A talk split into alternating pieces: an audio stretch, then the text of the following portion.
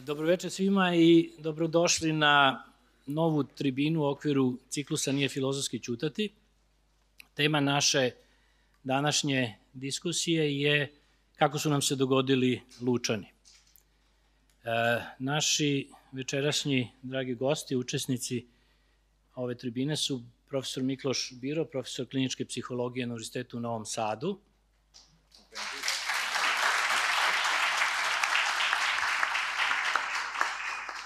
profesor uvek ostaje profesor i kada je u penziji, tako da ovaj, redovni profesori su doživotno birani. A, tu je potom sa nama koleginica Đurđa Timotijević, psihološkinja, autorka popularnog podcasta u Raljama osjećanja.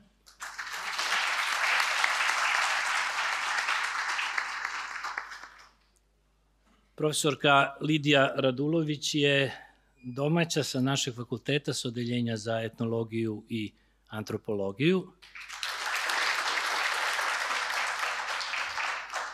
I za kraj sam ostavio Jovanu Gligorivić, novinarku Vremena, da joj se posebno zahvalim što je u poslednjem momentu uskočila umesto Teofila Pančića koji je bio sprečen večeras da nam se pridruži, tako da Jovana još jednom hvala na predusretljivosti. E, imamo temu već i za sledeću tribinu i običaj da se ona odmah ovde na početku najavi, a ja mogu i na kraju još ovaj, jednom spomenuti. E, naslov je prilično složen, gotovo arhajski, ide vazduh, voda, zemlja, vatra, borbe građana Srbije za zdrav život. Dakle, imamo još jednu ekološki orijentisanu tribinu sa učesnicima Ivom Marković, Aleksandrom Jovanovićem, Oliverom Ilićem, Predragom Momčilovićem i Nenadom Živković. Tu tribinu će moderirati naša koleginica profesor Jelena Mrgić sa Odljenja za istoriju. Tako da to nas čeka 21. novembra u ovom istom terminu. E, ja bih par reči rekao na samom početku kao moderator e, da kontekstualizujemo ovo što se u Lučanima dešavalo 3. oktobra ove godine, ali što je bilo i pripremljeno ovaj, još ranije nekim događajima koji su zbili čak dve godine ranije. Ovaj, kratak podsjetnik, 14. jula 2017. je nakon eksplozije baruta u njihovom pogonu u okviru fabrike Milan Blagojević poginulo dvoje radnika, dvojica radnika, Milomir Milivojević i Milojko Ignjatović. E, nesreća je nastala tokom istovara kartonskih buradi sa ostacima baruta, to je taj tehnološki otpad baruta koji sadrži i nitroglicerin i vrlo je osetljiv za, za korišćenje, naročito za prenošenje, za spuštanje. Te procedure nisu uopšte bile adekvatno regulisane u samoj fabrici, odnosno u tom pogonu koji uzgled rečeno nije imao ni upotrebnu dozvolu i niz nekih kršenja ozbiljnih procedura je ustanovilo kasnije Ministarstvo odbrane Republike Srbije, mislim da čak 11 je bilo na tom spisku. Taj pogon u kome su oni radili nije imao upotrebnu dozvolu, ali ni same procedure, znači prenošenja, iznošenja tog otpada, protivpožarne zaštite, odela i sve drugo je bilo ovaj, e, izuzetno problematično i dovelo je e, njihove živote u opasnosti.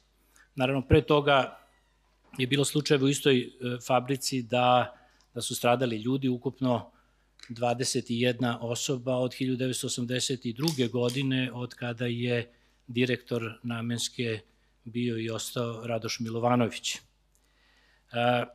istih razloga porodica Milivojević, porodica jednog od poginulih radnika, je e, podnela krivičnu prijavu, odnosno pokrenula je krivični postupak protiv samog direktora Radoša Milovanovića e, za teško krivično delo protiv opšte sigurnosti. Još dvojica rukovodilaca iz Namenske su se našla pod e, teretom te optužbe i kao što sad već e, svi verovatno znamo, ovaj, to prvo ročište 3. oktobra koje je bilo zakazano, nije, nije se ni održalo, ali je ostalo upamćeno po događajima ispred same sudnice, koji su na određen način bili i posticaj za ne samo brojne novinske napise, reakcije u medijima, reakcije e, uglednih ličnosti, intelektualaca u našoj javnosti, već i e, posticaj za ovu našu tribinu. Mi smo naime smatrali da je ovaj događaj bio toliko preloman da je zaslužio da, da bude tema ove naše večerašnje tribine. A, ono što se zbilo ispred sudnice u Ivanjici je postalo u nekoj meri sinonim za, za beščašće, za neljudskost, bestidnost. U nekim komentarima sam čak našao e, da ljudi govore o posebno lučanskom karakteru u vezi sa ovim događajima, a s pravom su ljudi postavljali pitanje e, u vezi sa ovim šta još gore od toga može da nam se desi. E, otuda i tema ove naše tribine, kako su nam se dogodili Lučani. Jasno je da mi na tako jednu temu koja je prilično kompleksna, ne možemo jednostrano i definitivno odgovoriti da ona iziskuje pristupe iz različitih uglova, iz različitih dimenzija i, i političke, i socijalno-ekonomske, i psihološke, i antropološke, etičke, pravne. Dakle, veliki je, veliki je broj tih ovaj, perspektiva i dimenzija koje ovo pitanje pokreće. Ali ono što će nas u svakom slučaju ovde stalno držati budnim e, u ovom razgovoru jeste ljudska dimenzija onoga što se desilo ovaj, i u samoj fabrici i nakon toga i da podsjetim e, tema dobija na aktuelnosti samim tim što je sutra zakazano novo ročište u Ivanjici i sve ono što bude vezano naravno za, za taj događaj biće praćeno adekvatno i u medijima, pa ćemo moći sami da se uverimo u to koliko koliko i ova naša večerašnja analiza e, ima smisla i težine. Ja bih e, u vezi sa e, ovim što sam najavio pokrenuo dva kruga pitanja sa našim e, večerašnjim učesnicima. E, svako će se, kao što je ovde i običaj, osvrnuti na e, na taj pojedinačni kompleks pitanja, onda ćemo otvoriti podijum naravno i za za vaša pitanja i komentare. E, u prvom krugu bismo pokušali da se osvrnemo na osnovno pitanje, to je kako objašnjavam uopšte ovo što se desilo ispred suda u Ivanjici, koliko je to predstavljalo nekakvo iznenađenje, koliko možda postoji i nekakav, neka sukcesija događaja koja je možda vodila tome ovaj, na jedan logični ili prirodniji način nego što nam je to odmah izgledalo kada smo to ovaj, e, posmatrali nakon 3. oktobra, a ovde mislim na prisilna okupljanja građana u znak podrške Aleksandru Vučiću, ovaj, slična, ali ne toliko masovna podrška Jutki Simonoviću, takođe ispred, ispred sudova. E, pretnja gubitka posla ukoliko se ne odazovu radnici na, na ove skupove ili ne glasaju za vladajuću partiju. I ono što se naravno nameće još kao dodatno jedno pitanje jeste da li u ovoj zemlji postoji mnogo veći broj tih volontera nego što je to izgledalo ovaj, u početku kada su ti razni tapšači počeli da se okupljaju ispred, ispred sudova ili je možda ovo ipak bilo previše i nešto što bi malo ko mogao da očekuje. Eto, ja bih najpre dao reč eh, profesoru Birovu da, da se osvrne na na ovaj prvi krug eh, pitanja. Dobro reče, prvo se zahvalim što sam uh, pozvan na ovu uvaženu tribinu koja se proslavila svojim sadržajima i učesnicima. A, ovaj, pitanje je zašto se o ovome toliko priča i zašto je toliko ušlo u naš vidokrug kao nešto što je strašno, ne, neprihvatljivo, nehumano i tako dalje.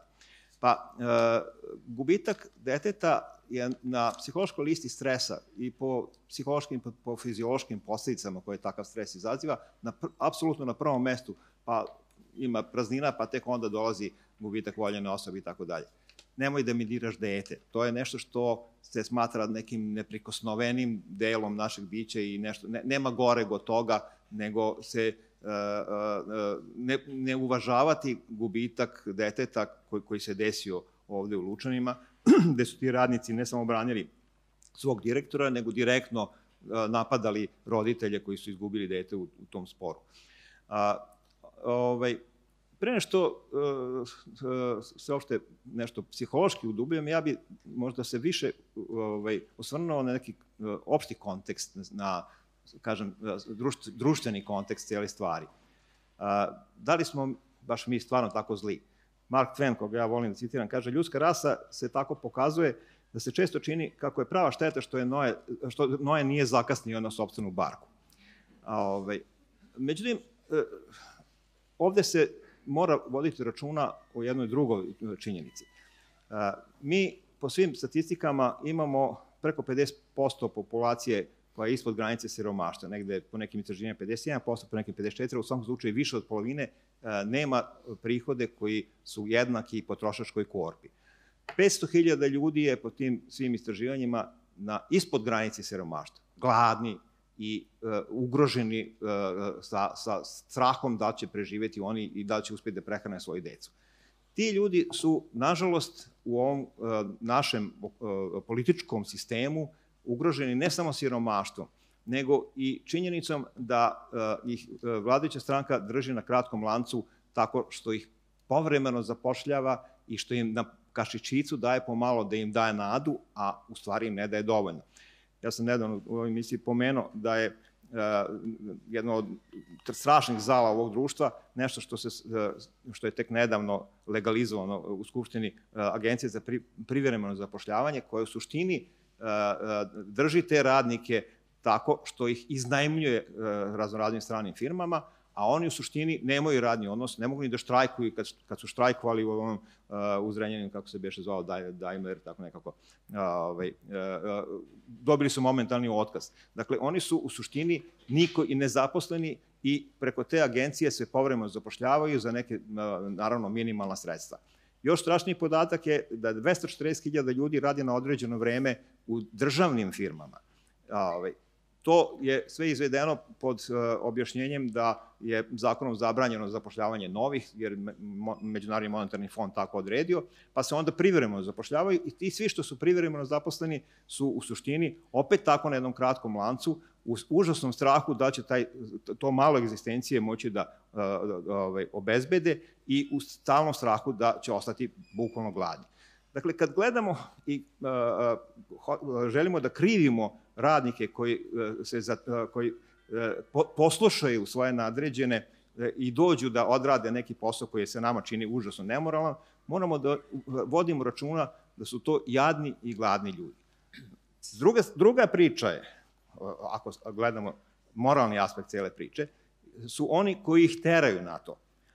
Oni koji dobijaju poslove šefa, iako nemaju tu kompetenciju, nego im taj posao šefa daje pripadnost određenoj vladajućoj stranci i e, primoravaju te ljude kao kapoji u onim konslogorima da, ovaj, da, da učestvuju u jednom e, nemoralnom e, postupku koji je naravno više nego užasan. Ta priča o, o tim koji, koji služe gazdi i nisu ugroženi je naravno po meni ključna priča o moralu i ona se može proširiti i na podatak o tome kako, kako se ova vlast konstituisala tako da ima samo praktično tri opštine u Srbiji koje, su, u, koje nisu u vlasti uh, Srpske napredne stranke, tako što se na terenu od 2016. pa neki čak i od 2012. potpuno menjala struktura uh, opštinske vlasti, kupovinom odbornika, primoravanjem, priseljavanjem, tako da je 582 odbornika od 2014. do danas promenilo stranku i ušlo u SNS da bi se ostvarala lokalna vlast.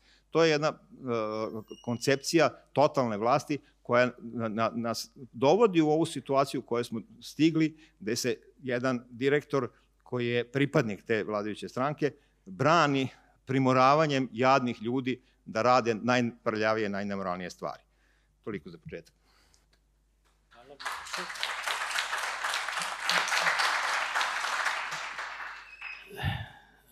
Mislim da će se Lidija Radulović na ovo nadovezati ovaj, adekvatno, tako da dao bih odmah njoj reč. Izvoli. Ja bih rekla da je ovde svaka sličnost sa Jutkom i Simonovićem namerna, ali čini mi se da je pogrešna u stvari.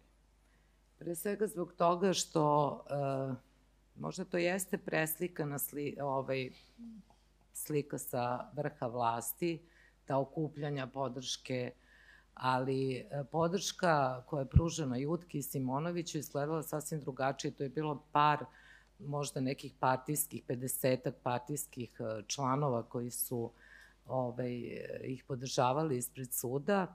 Ovde je e, slika mnogo drugačija, mnogo potresnija. Ovde se 800 radnika jedne fabrike, kako je PR rekla, jeli, mada neki tvrde novinari tvrde da ih je bilo 300, ali svejedno. Dakle, taj broj radnika se suprotstavio svom kolegi kojem je umrao, umrao ovaj sin koji ima 26 godina, poginuo zbog toga što su uh, vlasnici, odnosno vlasnici, napravo, ispada da je fabrika privatna, ne, nego rukovodioci rukovodioci ove, ove fabrike postupali neodgovorno. E, Milan je napomenuo, ali ja bih ponovila e, ipak o čemu se tu radi još jednom, a to je, dakle, pre svega, sami radnici nisu imali adekvatnu opremu zaštitnu koja bi omogućila da taj mladić i ovaj drugi, njegov kolega koji je stariji, prežive. E, burad u koju e, su skladištili ovaj, e, barut je bila nenamenska. U namenskoj proizvodnji nenamenska, odnosno ona je bila namenska za, pošto je bilo, ne za brašno kažu, jer je bila od kartona, da, kartonska neka burad, koja se inače koristi za ovaj, skladišćene brašna, dakle ovde je, je se koristila za barut i pritom je tu stavljena mnogo veća količina baruta nego što je to normalno i dozvoljeno. Drugo, u samom tom skladištu je čak pet puta više baruta ovaj, skladišteno, znači od 450 tona koliko je bilo dozvoljeno, tu je bilo više, 450 eh, kilograma, pardon, bilo je više od dve tone. I e, kada često kažemo mi, o, postoji ta izreka, jeli, kao mi od drveća ne vidimo šumu. Mislim da je ovde sasvim suprotno. Mi od šume ne vidimo drveće, ne vidimo te pojedinačne ovaj, slučajeve, pojedinačne primere u tim malim lokalnim zajednicama u kojima očigledno ja nisam znala da postoje Jutke i Milovanovići, ja nisam znala da su oni zapravo lokalni moćnici koji tamo određuju e, život i smrt svojih sugrađana. I mislim da je to u stvari ovde nešto što je najstrašnije.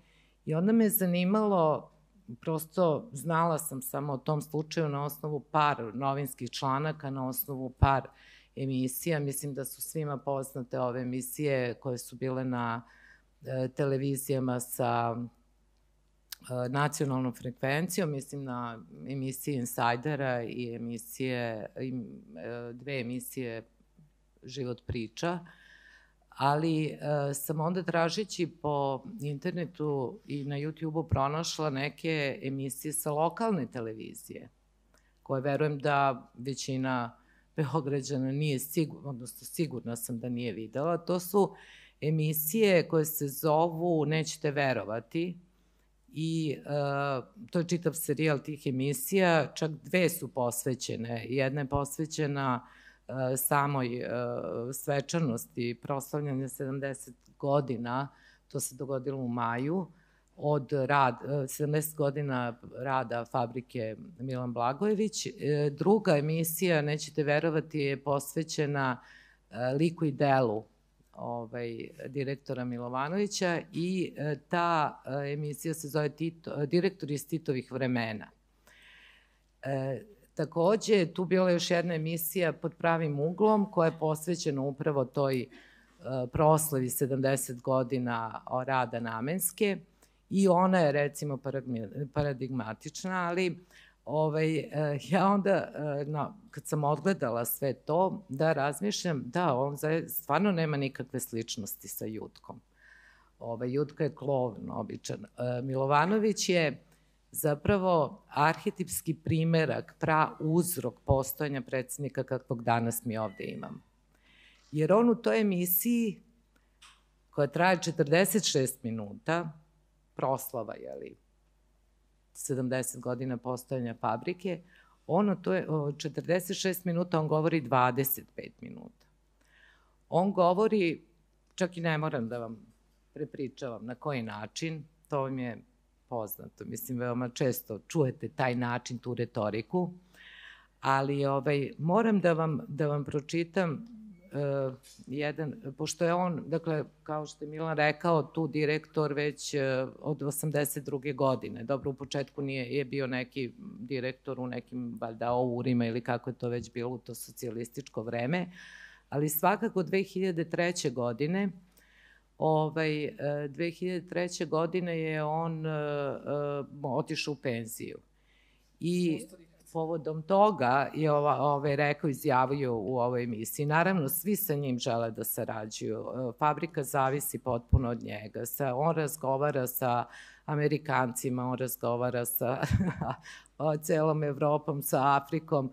O, preko puta njega se dođu kinezi i svi kinezi sede, a on nasuprot njih i on oni njega cene zato što je on stručnjak i tako dalje. I onda on kaže dve, ovaj, o tom događaju 2003. kad je on jeli, trebalo da ode ko sav normalan svet u, u mirovinu.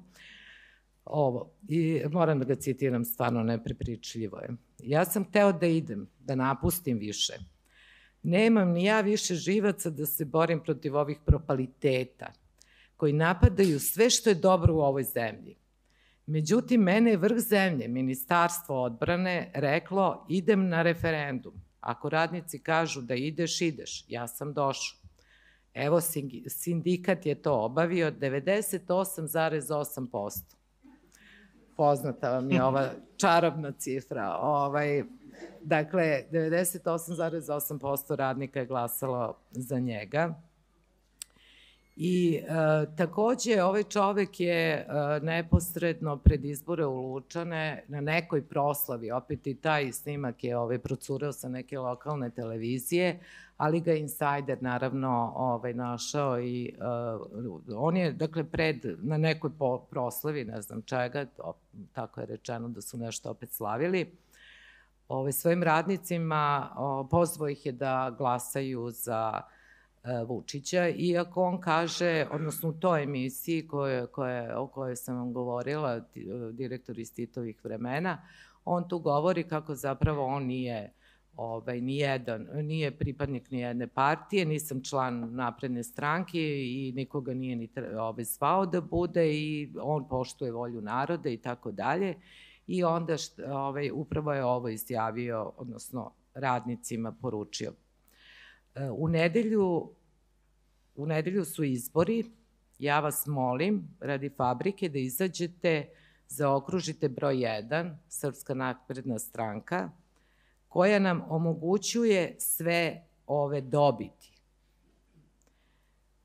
I onda, pošto je ovaj, usledio neki vrlo blag, onako mlak aplauz, onda je dodao aplauz da čuje gospodin Vučić pogledajte kako izgleda posle kad ga je ovaj, novinarka Insajdera pozvala i da ga pita je li o čemu se tu radi.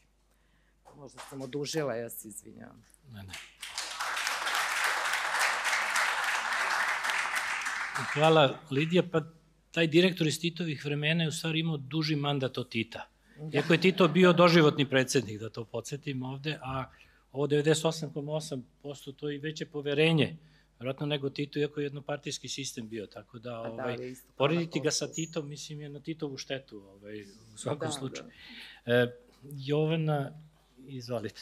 Ja bih da se malo vratimo unazad, da malo taj kontekst Lučana šire pojasnimo, jer imam utisak da su Lučani postali ogledno dobro za ono što bi mogla da bude, ali zaista doslovno budućnost Srbije, ne samo u kontekstu ovoga što se dešava sa uh, ovim suđenjem zbog dve smrti u fabrici Namenska Milan Blagojević, nego ću podsjetiti i na ponovljene, odnosno vanredne lokalne izbore u toj opštini i na ono što se tamo događalo kad smo, dakle, prvi put dobili egzaktne dokaze, video snimke, crnih džipova, batinaša, prisustva jakih policijskih snaga, prisustva državne sekretarke MUPA, ona više nije na toj funkciji, ali uvek će biti neko ko će biti spreman da ode u neke lučane ili u celoj Srbiji će ih biti dovoljno, jel, tih ne više lokalnih, nego moćnika zaista sa samog vrha vlasti koji će zavoditi nekakav red i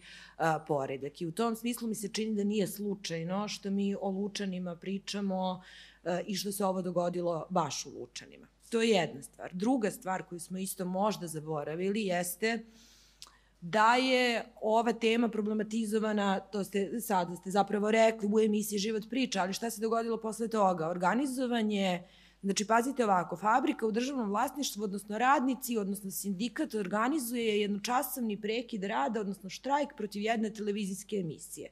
Ne znam da li se toga, toga iko više seća uh, ovde, što je bizarnost posebne vrste.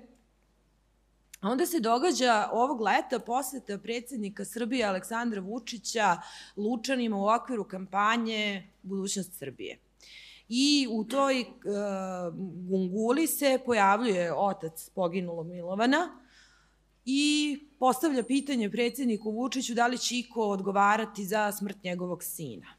Na što mu on odgovara nešto što je možda jednako neshvatljivo uh, kao i ovo što se na kraju dogodilo, a to je, uh, ja sad zaboravila kako se čovek zove, Milovan je otac, a Milomir je... Je, tako, Milovan je otac, izvinjam se. On odgovara, Milovane, teško te je gledati. Teško te je gledati iz ovih razloga što je, koje je profesor objasnio, dakle, ne postoji ništa, jel, strašnije i grozomornije od uh, čoveka koji izgubio dete. Ali mi se čini nekako da baš nije ni pristojno, ni umesno to reći čoveku koji izgubio dete.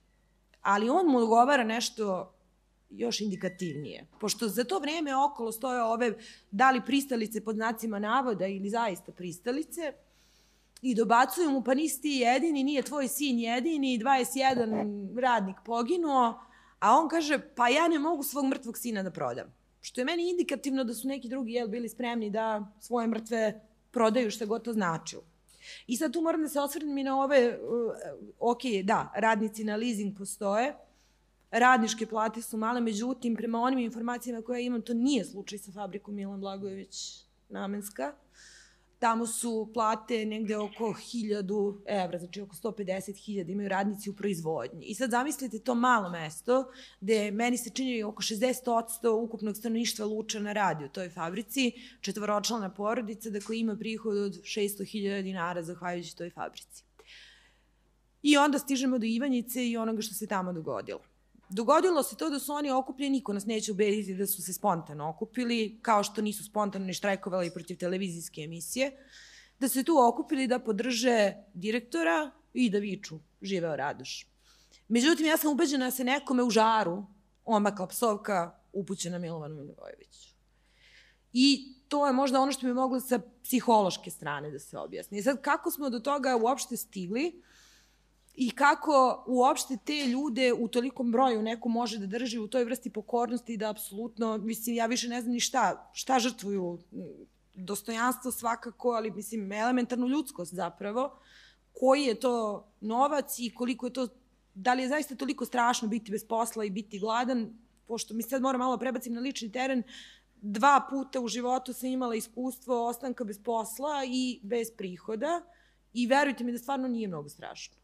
Znači, i to upravo iz ovih razloga političkih. Mislim, u prvi put, 97. kad je moja majka isto novinarka odbila da, jel, radi u službi tadašnje vlasti, drugi put kad uh, smo došli u situaciju da u mojoj matičnoj redakciji nemamo apsolutno više nikakvih oglasa ni prihoda i stvarno nije strašno. Znači, meni je bar lično manje strašno nego prodati obraz i ne znam, E, kako smo došli i koliko tu zapravo ima primera koji prethode svemu ovome, gde se ovo elementarno ljudsko dostojanstvo izgubilo, koji su nama potpuno prošli ispod radara. E, namešću jedan ili, ili dva možda. E, I mislim da ova publika koja, koja nas sluša večeras ovo sigurno ne zna. Dakle, reality programi, na time se ja svi izgražavamo, to je sve grozno, ali ono što čega se ili ne sećate ili možda ne znate jeste da je pre četiri ili pet godina jedan učesnik reality na televiziji Happy pobegao. Bukvalno pobegao preko zida, imao je logistiku, njemu je majka gastarbajterka, ona je organizovala da ga sačeka auto, kupila mu kartu avionsku da dođe brzo kod nje u Nemačku. Zašto? Zato što je taj momak bio ubeđen da neka sumenuti ugovor koji je on potpisao sa Milomirom Marićem i Peconijem, vlastikom televizije Happy, da je on 20 godina dužan da bude na raspolaganju u bilo kom realitu televiziji Happy, on je poverovao da je u ovoj zemlji moguće da sa nekim sklopite ugovor u trajanju od 20 godina. I nije znao kako drugačije da se spasi iz toga nego da beži preko zida, da ga evakuišu kolima i da ga voze pravo na aerodrom da ide kod mame u Nemačku. I to vam objašnjava koliko ljudi koji zapravo nisu, zapravo nisu ucenjeni, mogu da poveruju da jesu i koliko stvari mogu da se izmaknu kontroli do te mere da opsujete oca mrtvog sina. Sad sam zaista skratila najviše što mogu, da ne bih ni ja probila vreme, a pogotovo zato što osjećaj za vreme nemam, ali mislim da je to, ove, i voljela bih samo još nešto da dodam, da, empatija prema tim ucenjenim ljudima, svakako treba da imamo, ja sam joj možda i previše sklona, a kad sam prelomila, vidim ovde momka koji ima majicu uh, Sloboda za Aleksandra Obradović. Dokle god postoje u ovom društvu ljudi poput Aleksandra Obradovića, ljudi poput Marije Lukić, ljudi poput porodice Stanike Gligorijević, nema opravdanja, ja bar ne mogu da imam empatije za ovakve oblike ponašanja. Dovoljni su nam samo Marija Lukić i Aleksandar Obradović ja bih zaista voljela, mislim ne prizivam stvarno nikakvu revolucionarnu pravdu, ali bih stvarno voljela da dočekam dan kad će ovi ljudi koji su, ne svih 800 koji su klicali ovom Radošu Milovaniću, nego samo taj jedan koji je opsovao oca tog poginulog momka, da stoji i pet minuta gleda u oči recimo Aleksandra Obradovića ili Mariju Lukić. I da vidim šta će da se desi, da li će, da li će progovoriti nešto, da li će se izviniti, da li će shvatiti grešku i samo da ne zaboravimo još jednu stvar, zašto je odloženo ročište? Prvo ročište u Ivanjici, jer je jedan rukovodilac priznao krivicu i rešio da se nagodi. Tako da možda još nade u savest ima, ali sad već s novinarske strane gledano volela bih da saznamo i istražimo kako je do toga došlo da se taj jedan, uslovno rečeno, slomi i prizna krivicu. Izvinjamo se. Hvala puno, Elena.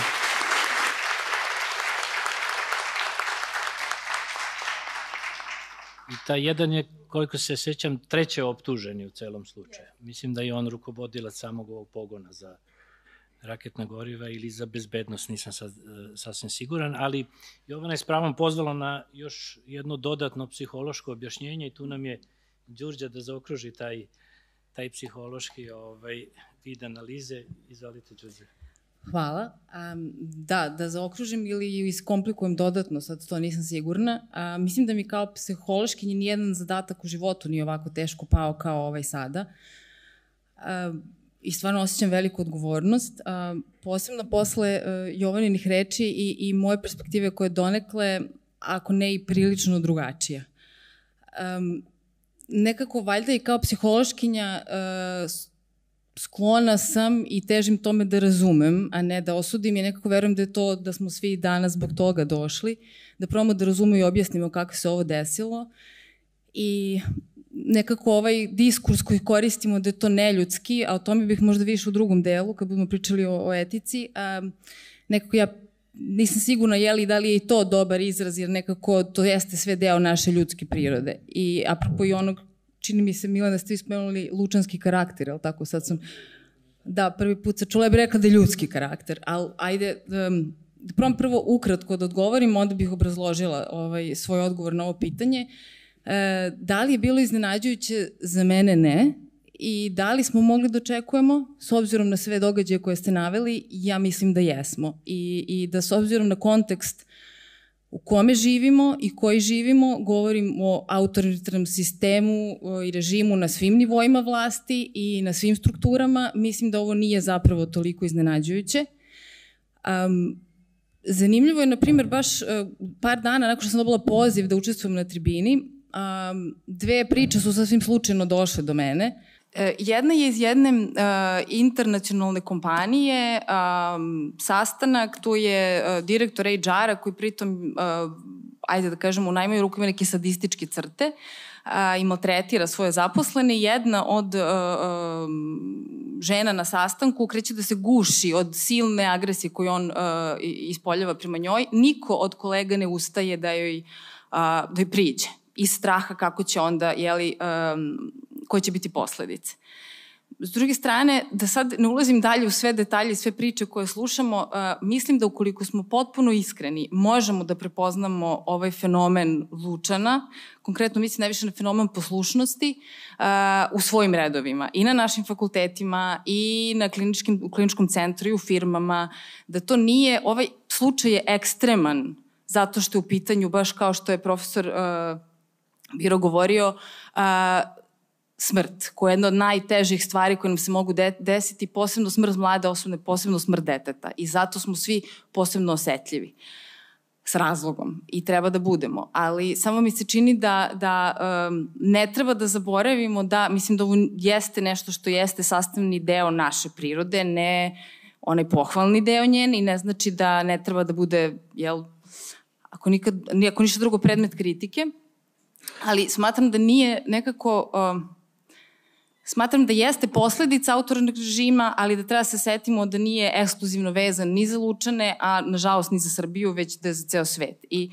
nekako kada govorimo o tome, to smo se svi pitali, ja verujem, barem većina nas, kako je moguće. Kako je moguće da ti ljudi iz solidarnosti, iz poštovanja prema, prema žalosti tih ljudi, kako je moguće da nisu postupili drugačije. Ako ništa drugo, zbog sebe, jer oni rade u toj fabrici koju od 51. ili druge od kad je otvorena, nisam sigurna, imamo 20 smrtnih slučajeva pre Milomir, znači on je 21. žrtva. Kako je moguće da ti ljudi nisu postupili drugačije? I mislim da bismo odgovorili na to pitanje, moramo da uzmemo u obzir da a, na naše ponašanje ne utiče samo naše moralno rasuđivanje i naša sposobnost da razlikujemo dobro, dobro od lošeg. Niti samo naši stavovi, niti samo naše emocije. I tu sad ulazimo na, na teren socijalne psihologije, e, discipline, e, psihološke discipline koje se uprošće rečeno baš bavi time kako prisustvo drugih ljudi, poredak, grupa u kojoj smo utiče na naše ponašanje. I samo ukratko, a sad ja sad molim za interakciju da, bi, da bismo svi nekako bili na, na istome, uh, zanima me koliko od vas ovde čulo za Milgramov eksperiment. Uh, Dobro, znači, ima, e, znači evo samo ukratko. Uh, Stanley Migler mi je 60. godinu u jednom američkom univerzitetu ispitivao upravo fenomen poslušnosti. Uh, on u svojoj knjizi govori o ovom fenomenu, kaže poslušnost je ona jedna od osnovnih struktura društva. Kaže to je link između ponašanja pojedinca i političkih ciljeva. I smatra da zapravo poslušnost objašnjava kako je moguće da ponašanje koje je pojedincu potpuno nezamislivo kao spontano svojovoljno ponašanje, zapravo se desi s potpunom lakoćom i bez oklevanja kad je pod naredbom autoriteta. A, oni, a, a, inače, e, eksperiment Spirisanom počinje nešto, čini mi se u isto vreme ili par meseci nakon suđenje Adolfu Eichmannu. A, Elem, znači eksperiment je vrlo jednostavan, on naivnim subjektima, ispitanicima, evo sad na primjer nama ovde, kažu ispitivat ćemo efekat kazne na učenje. Vi ćete da dođete, uh, ovde će da bude čovek koji će da uči neki sadržaj, ukoliko on pogreši, vi mu date električni šok. I sad čovek ima ispred sebe, naravno preko puta nije uh, naivni subjekt koji uči, već glumac. Tako da jedini onaj koji je tu ispitanik je ovaj koji je u, u, u, svojstvu ovoga koji daje elektrošokove, koji kažnjava. I um, pred uh, subjektom, pred ispitanikom je tu neka aparatura da on vidi da daje um, elektrošokove od 15 do 450 volti. Već negde na 300 stenjanje i žaljenje ovog preko puta počinje da bude krik. Možete zamisliti kako zvuči uh, odglumljena reakcija na 450 volti. Šta mislite? Koji procenat ispitanika je išao do samog kraja? Ajde, slobodno preko 60% išlo do samog kraja. A gotovo niko nije izašao. Možda, na, na, a to je ogromno istraživanje. Ogromno istraživanje je ponovljeno u mnogim zemljama, različito, jedna vrlo pedantna studija obavljena, vrlo pedantna s metodološke strane, sad ne bi bila dozvoljena s etičke strane, tada je očigledno moglo, ali vrlo pedantno metodološki. I nekako kad to, znači to je i ono što su, jel, rezultati su bili zapanjujući, jel, nekako svi su se pitali kako je moguće da ti ljudi čim su ušli, nisu izašli iz te prostorije. Pazite, pričamo ovde o autoritetu koji je e, osnovan isključivo na, da kažemo, saradljivost i poštovanje prema autoritetu. Znači, nikakva kazna, nikakva prisila. I pitali smo, pitali su se svi pred tim istraživanjem kako je pred rezultatima, kako je moguće da na izgled normalni ljudi mogu da urade nešto tako nemoralno što se kosi sa njihovim moralnim načelima. I ti ljudi su se inače jako loše osjećali. Milgram je posle vodio intervjue sa njima, oni su stvarno doživljavali ozbiljne, ozbiljne um, emotivne traume dok su to radili. Elem, znači još samo da pocrtam sada, verovatno ću to reći još nekoliko puta, moja teza nije da je bilo ko oslobođen lične odgovornosti, ali mislim da treba da razumemo kontekst u kome se ovo dešava. I da, i da, i da ovi rezultati donekle mogu da nam pruže objašnjenje onoga što se desilo uh, u Lučanima, to je ovo o čemu pričamo, kupljanju tih radnika. A sad zašto pričamo o autoritarnosti i poslušnosti? Uh, ako govorimo o spontanom jeli, okupljanju radnika, pa zato što je očito da to okupljanje nije bilo spontano i sve i da nemamo one video snimke, mislim da nam svi događaji koji je Milan spomenuo na početku, a, jako puno govore o tome da jel, nekako to jeste bilo nešto što je prisila. A, još isto, mislim, ovo što je Jovana rekla, mislim da je stvarno važno i, i, i, i za kontekst slučajna i te plate, ok, da, to donekle dovodi u pitanje, ok, nije siromaštvo, da li su morali, nisu morali, istina, ali pazite ovo, e, tog istog dana čovek koji je poginuo, njegova žena nije odlučila da, da, da nije se opredelila za sudski proces, a jedna od nagodbi e, je bila da joj se e, asfaltira put do kuće. Znači, govorimo o ženi koja nije imala asfaltiran put do kuće. Znači, treba da imamo u, u, treba da imamo u obzir, čini mi se, u kakvom kontekstu ti ljudi žive i takođe pritiscima koji su oni izloženi. Znači, i sam otac uh, preminulog Milomira je rekao da je on morao da lepi plakate, da je on morao da ide na miting Vučiću. Znamo šta se desilo posle, sestra izgubila posao nakon, sud, nakon što je pokrenula sudski postupak. Znači, izgubila je posao u privatnoj firmi koja radi sa fabrikom uh, Namenska. A, imali smo prilike da vidimo u dokumentarnim filmovima na ovu temu da su i drugi radnici, oni koji su bili svedoci takođe bili pod pritiskom, da jedan od svedoka, ako ne grešim, jedini koji je govorio u prilog tome i da kažem na strani porodice je takođe dobio otkaz. Tako da samo mislim da treba da imamo na umu da ne govorimo o niti slobodnom društvu, a da prosto situacija nije, nije, nije uopšte ni najmanje jednostavna. Ali da, toliko možda sad za ovaj krug. Hvala, Đorđo. Nadovežu bi se samo kratko za ovaj jedan moment gde si primetila da je ovaj Milgramov eksperiment, ako seća nekde 1961. se to dešavalo, paralelno išao sa procesom Adolfu Eichmannu u Izraelu. Ovaj, to poznato suđenje koje je pratila i filozofkinja Hannah Arendt i izašle su tu sa tezom jednom danas dosta poznatom o banalnosti zla. U sva ova ograničenja, naravno, koja se tiču bilo kakvog poređenja sa društvom u nacističkoj Nemačkoj, ove, ali apropo ove teme o submisivnosti autoritetu u stvari, ove, jedna stvar koju se ja sećam, koju ona primetila, a Eichmann je zaista bio u fokusu. Bila na televizija sa statičnim kamerama, ali ona je znala da zoomira ovaj, njega i da prati njegovo ponašanje tokom suđenja, izraz lica, e, sve ostalo i Arentova e, postavi jedno pitanje, zapravo konstatuje da tu ne vidi čoveka sa nekim svojim ubeđenjima, ne vidi čak ni nekakvo oličenje zla u nekakvom no. Da. satanističkom smislu, vidi jednog sasvim običnog, banalnog čoveka i postavlja pitanje gde je tu čovek u stvari. Da li se on odrekao od svoga ja?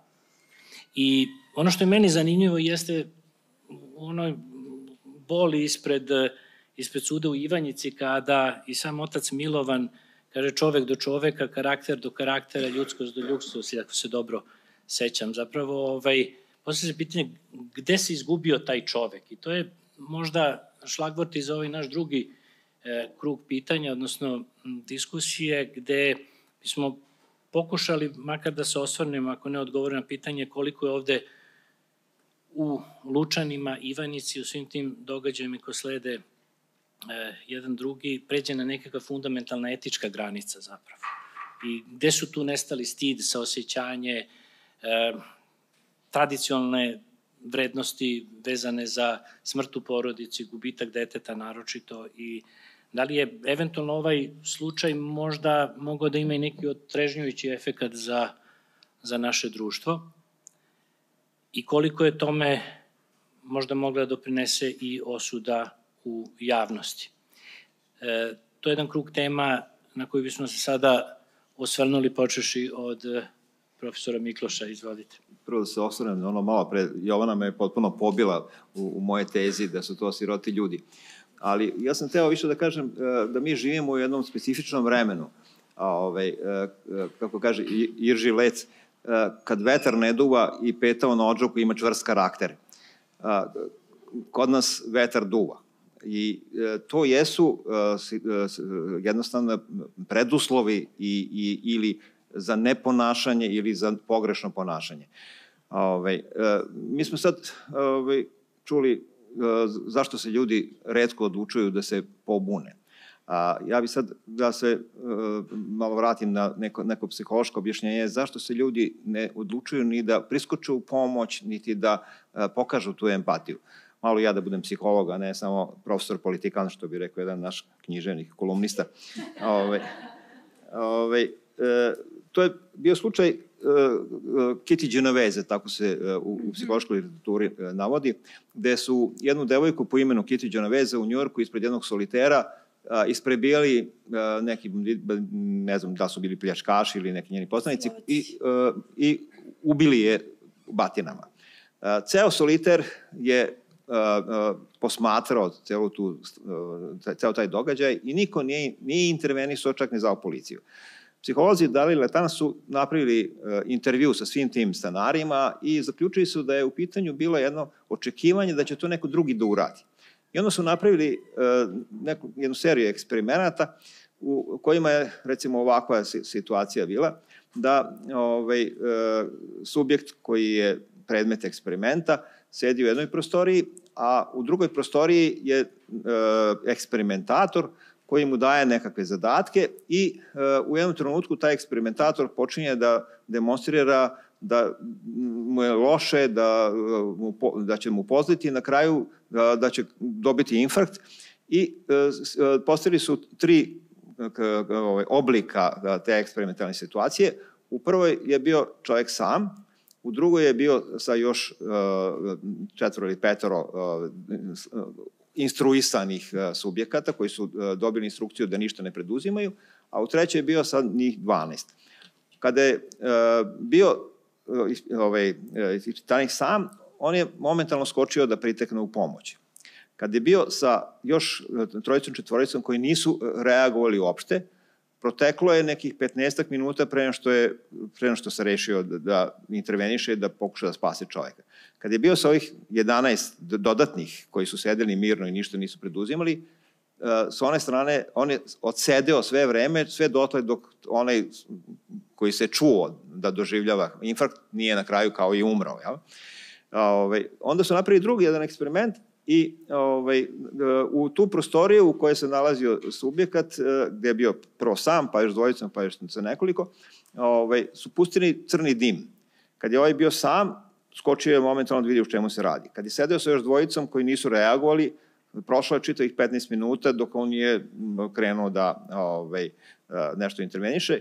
Kad je bio sa, tim, sa tih 12, on je sedeo čitavih pola sata dok god dim nije potpuno ispunio prostorije, onda je izleteo, ali nije alarmirao nikog dalje. Šta to govori? To govori da postoji nešto što se zove e, ideja o disperzivnoj odgovornosti. Kada ste vi u situaciji da, očeku, da imate mogućnost da očekujete nekog drugog da nešto radi, vi nećete to raditi. I evolutivno i motivacijono čovjek je orijentisan na preživljavanje i gleda da se što manje eksponira. I iz tog razloga što e, mi očekujemo da to neko drugi uradi, su strašno važni ovi koji su spremni da nešto uradi. To su uzbunjevači, to su intelektualci koji glasno govore, to su ovi studenti koji e, e, najčešće prvi pokreću stvar u, u, u ovoj moje dugačkoj istoriji, uvek pamtim da su studenti pokretali neke, neke, neke demonstracije od 91. 92. 94. 96. 98. evo i sad.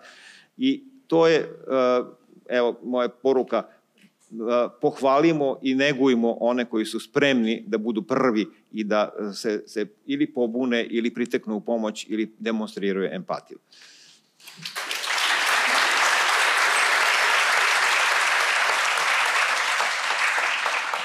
Hvala Mikloše, našto na ovoj poslednjoj poruci koju ćemo zapamtiti svakako.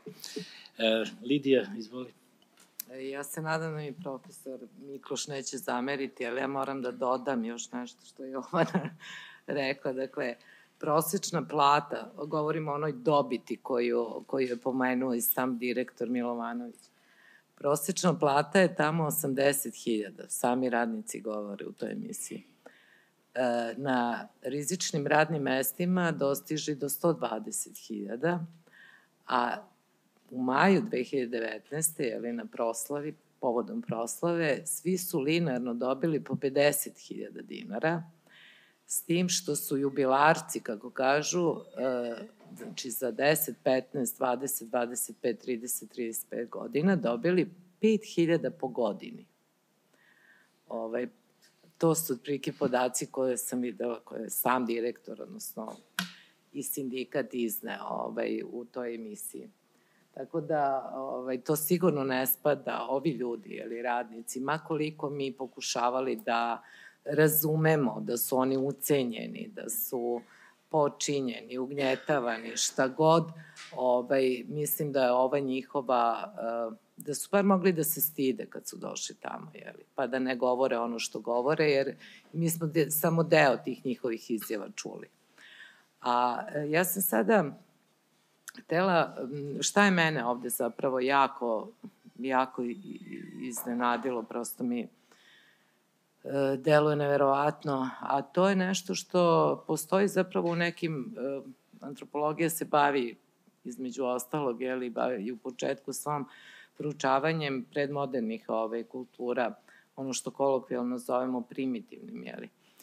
I e, u mnogim e, kulturama postoji ono što, e, neka, to je ti vidovi nesrećne smrti, odnosno nesrećni slučajevi, ove, se tamo smatraju potpuno prirodnim. Jeli, kod nas, ove, mi kad kažemo prirodna smrt, oni misle zapravo na neke e, uzroke magijske i religijske ovaj, prirode, obično na vraćanje. Znači, potpuno, potpuno suprotno. A mene e, sve više zaprepašćuje zašto mi u poslednjih e, par godina, pa i nekoliko meseci, ovaj, se upravo tako ponašamo prema e, sve većem broju nesreća na gradilištima, evo, radnici ginu u fabrikama, u rudnici, rudnicima. Kako je moguće da to za nas potpuno očekivano, jeli, normalno, prirodno, jeli. E, pa kako je moguće da i sami radnici na taj način o tome govore? U svim ovim emisijama svi radnici su govorili na taj način. Oni su preuzimali odgovornost za sobstvene nesreće, to je za nesreće koje, koje ih na, snađu na poslu. Nijedan od radnika nije rekao ništa drugačije. PR je, ovaj, ako ste gledali, čak to je bilo baš u svim prilozima, ovaj, eh, PR fabrike je rekla, ljudi se malo opuste, zaborave, pa naprave propust koji košta život. O tome govori i direktor. Ovo su opasne tehnologije, jeli. Ovde mora da radnici vode računa. Sve, sve se svaljuje na radnike. Sami radnici su, kažem, usvojili tu retoriku oni očigledno, pa čini mi se da se posle toga povredilo, da su se neki radnici povredili koji su takođe priznali da su oni krivi. Dakle, svi na isti način o tome govore i svima je to pa prirodno je, radite u fabrici u ko, kojoj su opasne materije, pa kao normalno je da, da se nesreće događaju. E, čak je, e, dakle, čuli smo poginuo je 21 jedan radnik. Zamislite da niko tamo za shodno nije našao na toj proslavi, pa ni direktor da te radnike pomene, da im oda počast. Zašto? Pa zato što su ti radnici žrtvovani, to je toliko očigledno. I sigurna sam da sam ovaj, Milomir, jeli, uh, Milomir uh, ne bi, to je, to je mladić od 26 godina, pitanje je, tri godine je radio u fabrici. Uh, pitanje je kroz kakvu edukaciju je prošao. On je jednostavno bio pozvan od starije kolege da samo spusti bure, tako je njegov otac to opisao. A onda je, onda se zapalio. Rekao, tata, ja sam izgoreo. Samo smo spustili bure i ono je planuo. Dakle, e, njemu sigurno nije normalno da ovaj, da na ovaj način jeli, u toj fabrici, to jest nije, nije želeo. Jedan je radnik rekao, pa nikome nije čuturom zvao da radim ovde. Ove, to, mi je, to mi je zaista ove, bilo neverovatno. Znači, hoću da kažem, svakako da Milomir nije žrtva sobstvene nemarnosti, kao što to radnici žele da prikažu. Oni indi, indikativno je zaista zašto svi na isti način o tome govore.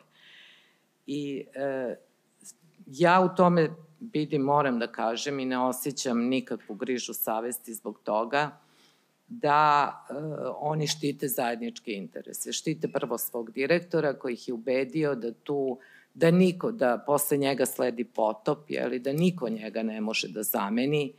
I stvarno je i čudno kako je moguće da čovek tako stručan, tako veliki, nije za tih 40 godina preneo svom, nekome svoje znanje. Kako je moguće i šta će biti posle njega, jeli? On je ubedio njih da je posle njega zaista ovaj potop. I e, ono što postoji jedan teorijski koncept u, u antropologiji pa i u drugim društvenim ovaj, naukama koji e, govori o strukturalnom, strukturalnom nasilju.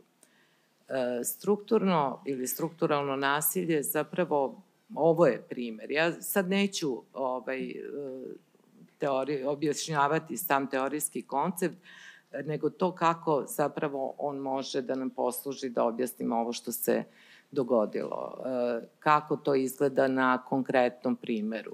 To je zapravo strukturalno, strukturno, ne, ovaj, strukturno nasilje govori o toj strukturnoj nejednakosti koja postoji u društvu i to nasilje je često institucionalizovano, a da mi toga zapravo nismo svesni. Vrlo je prikriveno, teško ga je teško ga je e, razumeti. Možda je to objašnjenje zašto svi radnici zapravo ne vide ovaj, e, e, vide, odnosno osjećaju tu sobstvenu odgovornost, a ne ovaj, odgovornost samog rukovodstva, pa i svih viših ovaj, instanci. E, ovde je reč zapravo o tome da je strukturno nasilje proustrokovano tim socijalnim e, i ekonomskim ovaj, ne, socijalnom i ekonomskom nepravdom i problem je e, što zapravo mi vidimo da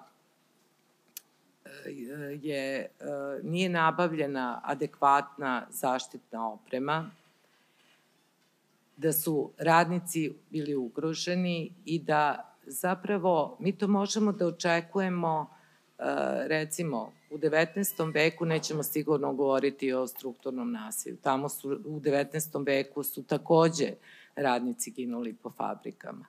Ali danas u 21. veku ako ovaj, e, e, država, ako se država militarizuje, ako ministarstvo odbrane nabavlja, e, troši je li naš novac na, onu, na oružanje, a ne kupuje adekvatnu zaštitnu opremu radnicima koji rade u namenski, namenskoj proizvodnji i uopšte u, na opasnim radnim mestima širom Srbije ili bilo kojim radnim mestima u kojima im je ugroženo zdravlje, onda to jeste uh, ovaj, e, socijalna nepravda i onda to jeste stvarno strukturno nasilje.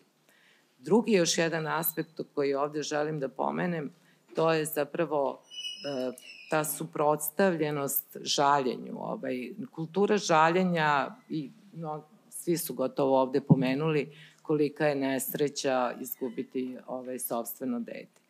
Kultura žaljenja jeste kod nas veoma razvijena i e, postoji, e, postoje ta, tačno propisani obrazci ponašanja koji se ljudi pridržavaju i osjećaju naravno, ne samo da su to obrazci koje ovaj, konvencionalno moraju da prate e, izražavanje jeli, osjećanja, empatije, učestvovanje, podrška, solidarnost sa ovaj, porodicom umrlih, nego je to nešto što, kako bih rekla, ovaj, u našoj kulturi je e, potpuno odomaćeno, uvreženo i e, očekivano i ovde ja ne sumnjam da su baš možda čak i mnogi od tih ljudi koji su tamo se suprotstavili svom kolegi, da su bili na svim ovaj, daćama ovaj, posvećeni Milomiru. E, sigurno sam da su ipak pokazali to se osjećanje i solidarnost. Ali šta se dogodilo da tog dana zapravo postupe na taj način, ovaj, ja ne mogu da razumem, ali opet se vraćam na kult ličnosti, na to e, da su oni ucenjeni i onako kako njima direktor kaže, a i kako nama stalno govore, pa kako ovaj, vama ministar prosvete daje ovaj, plate, kako se vi sad bunite i tvrdite da je doktorat malog jeli, plagijat, kako smete to da radite, jeli. To su neverovatne stvari kako ljudi, kako ljudi rezonuju. Dakle, nasupro toj kulturi žalosti, ovaj, koja, koja e, kažem, na izvestan način je stalna podrška i saosećanje toj porodici, kod nas to traje godinu dana najmanje, kada je u pitanju smrt deteta, smrt e, mladog čoveka, to je 3 i 7 godina. To je taj koncept, naravno, koji postoji, ovaj, koji je e, formalan, ali naravno da roditelji tu žalost sigurno ne mogu da prevaziđu i prebole.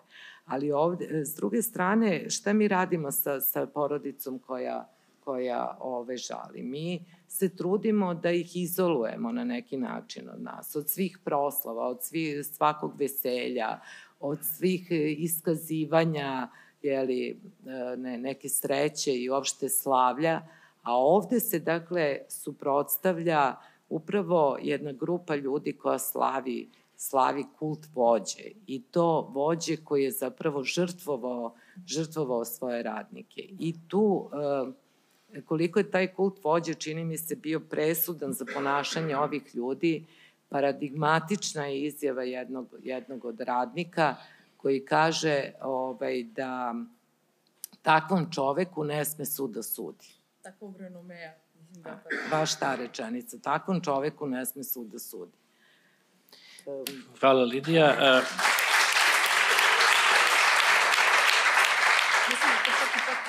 Možda ovo posljednje što si rekla kada si e, navela izjavu tog radnika ide u pravcu nečega o čemu sam razmišljao dok si spominjala strukturno ili strukturalno nasilje, a možda jeste nekakav neologizam čak i za ovaj naš e, kontekst, ali mislim da bismo mogli ovde govoriti i o jednoj strukturalnoj neodgovornosti ili sistemskoj neodgovornosti, ako ono što se u Lučanima dešavalo unazad do 1982 godine jeste jedan proces ipak dužeg trajanja od ovoga na što se mi sada osvrćemo. Naime, da podsjetim da 998. godine najveći broj radnika poginuo u jednoj nesreći u istoj fabrici, njih osmor.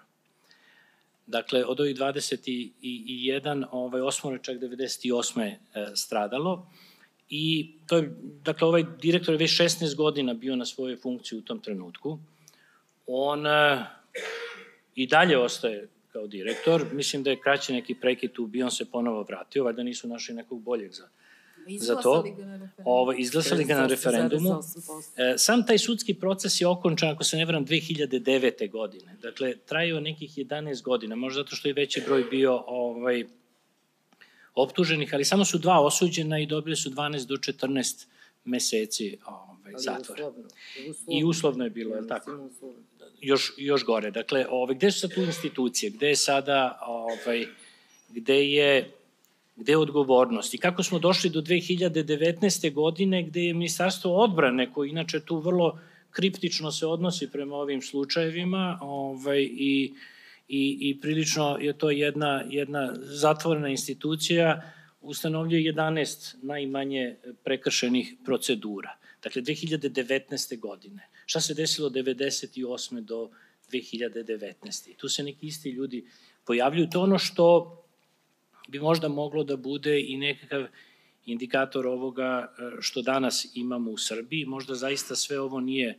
nije od juče, možda smo mi jednostavno spavali kroz sve to vreme, a pogotovo mi u akademskoj ovoj sredini gde se bavimo svojim oblastima na jedan dosta usko specijalistički način i ne vidimo taj svet i taj život van, e, van akademije, van katedra, sve se to dešava u realnom životu. E, verujem da će Jovana imati šta da doda u ovom drugom krugu pitanja. Pa, zapravo sve vreme dok slušam, apsolutno se slažem i mislim da ovo svakako jeste tema kao i sve druge društvene teme o kojima upravo društvene nauke moraju da daju svoj sud, ali isto tako i psihologija, i antropologija, i sociologija moraju ogromnu pažnju da posvete nikada sofisticiranijim propagandnim mehanizmima koje mi imamo na delu. Pre nego što objasnim šta sam ovih htjela da kažem, samo ću podsjetiti na 25. jun ove godine, kada tri radnika u roku 24 sata ginu na građevini u različitim delovima Srbije. Od te trojice samo je jedan imao, čini mi se da ima 37 godina, poginuo je od strujnog udara kod mešalice za beton. Drugi ima 67 godina, pada sa skele. Treći ima 63 godine i propada kroz skelu. Znači, jun je. Ljudi koji imaju preko 60 godina su na skeli.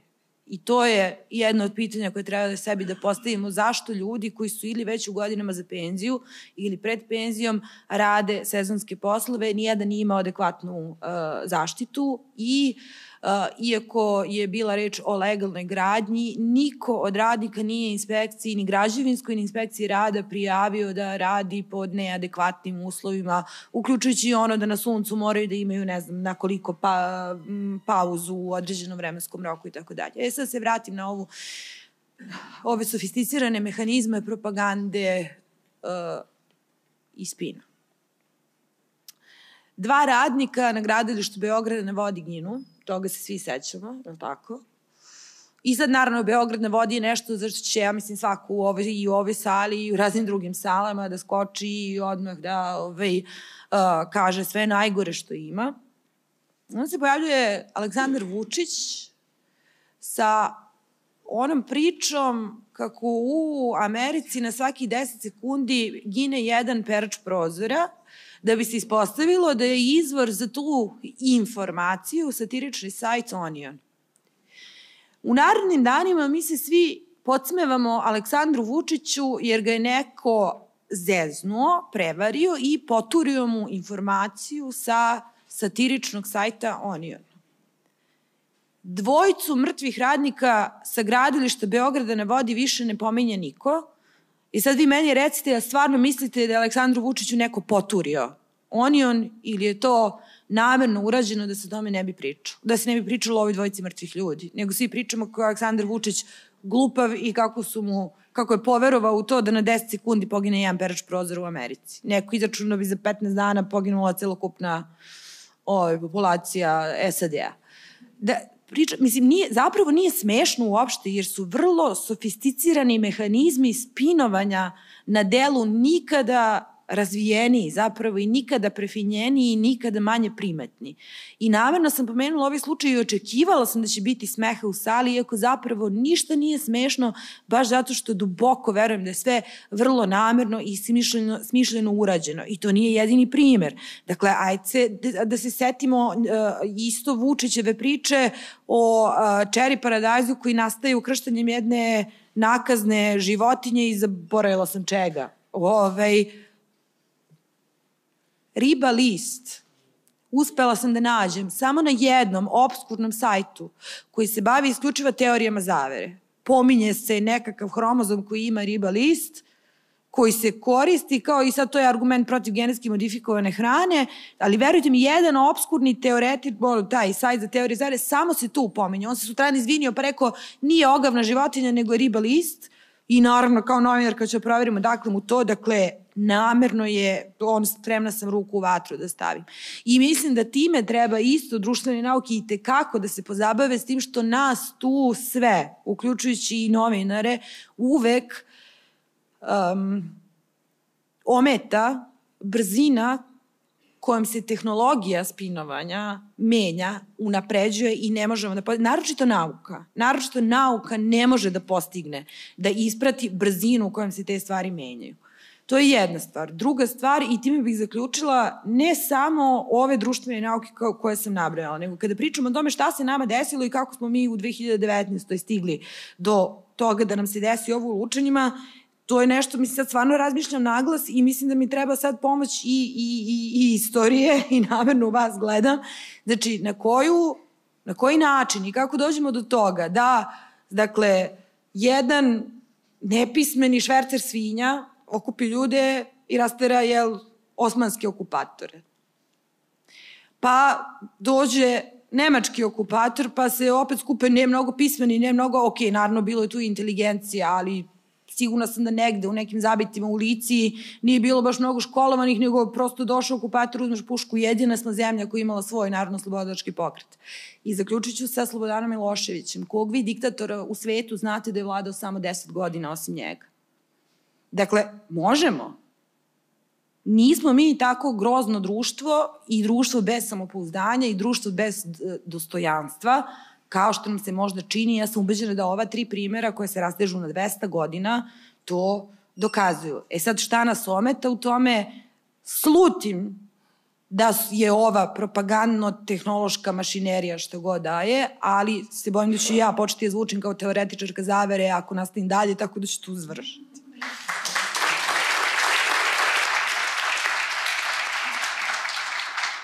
Dakle, evo novih zadataka za naše društvenjake.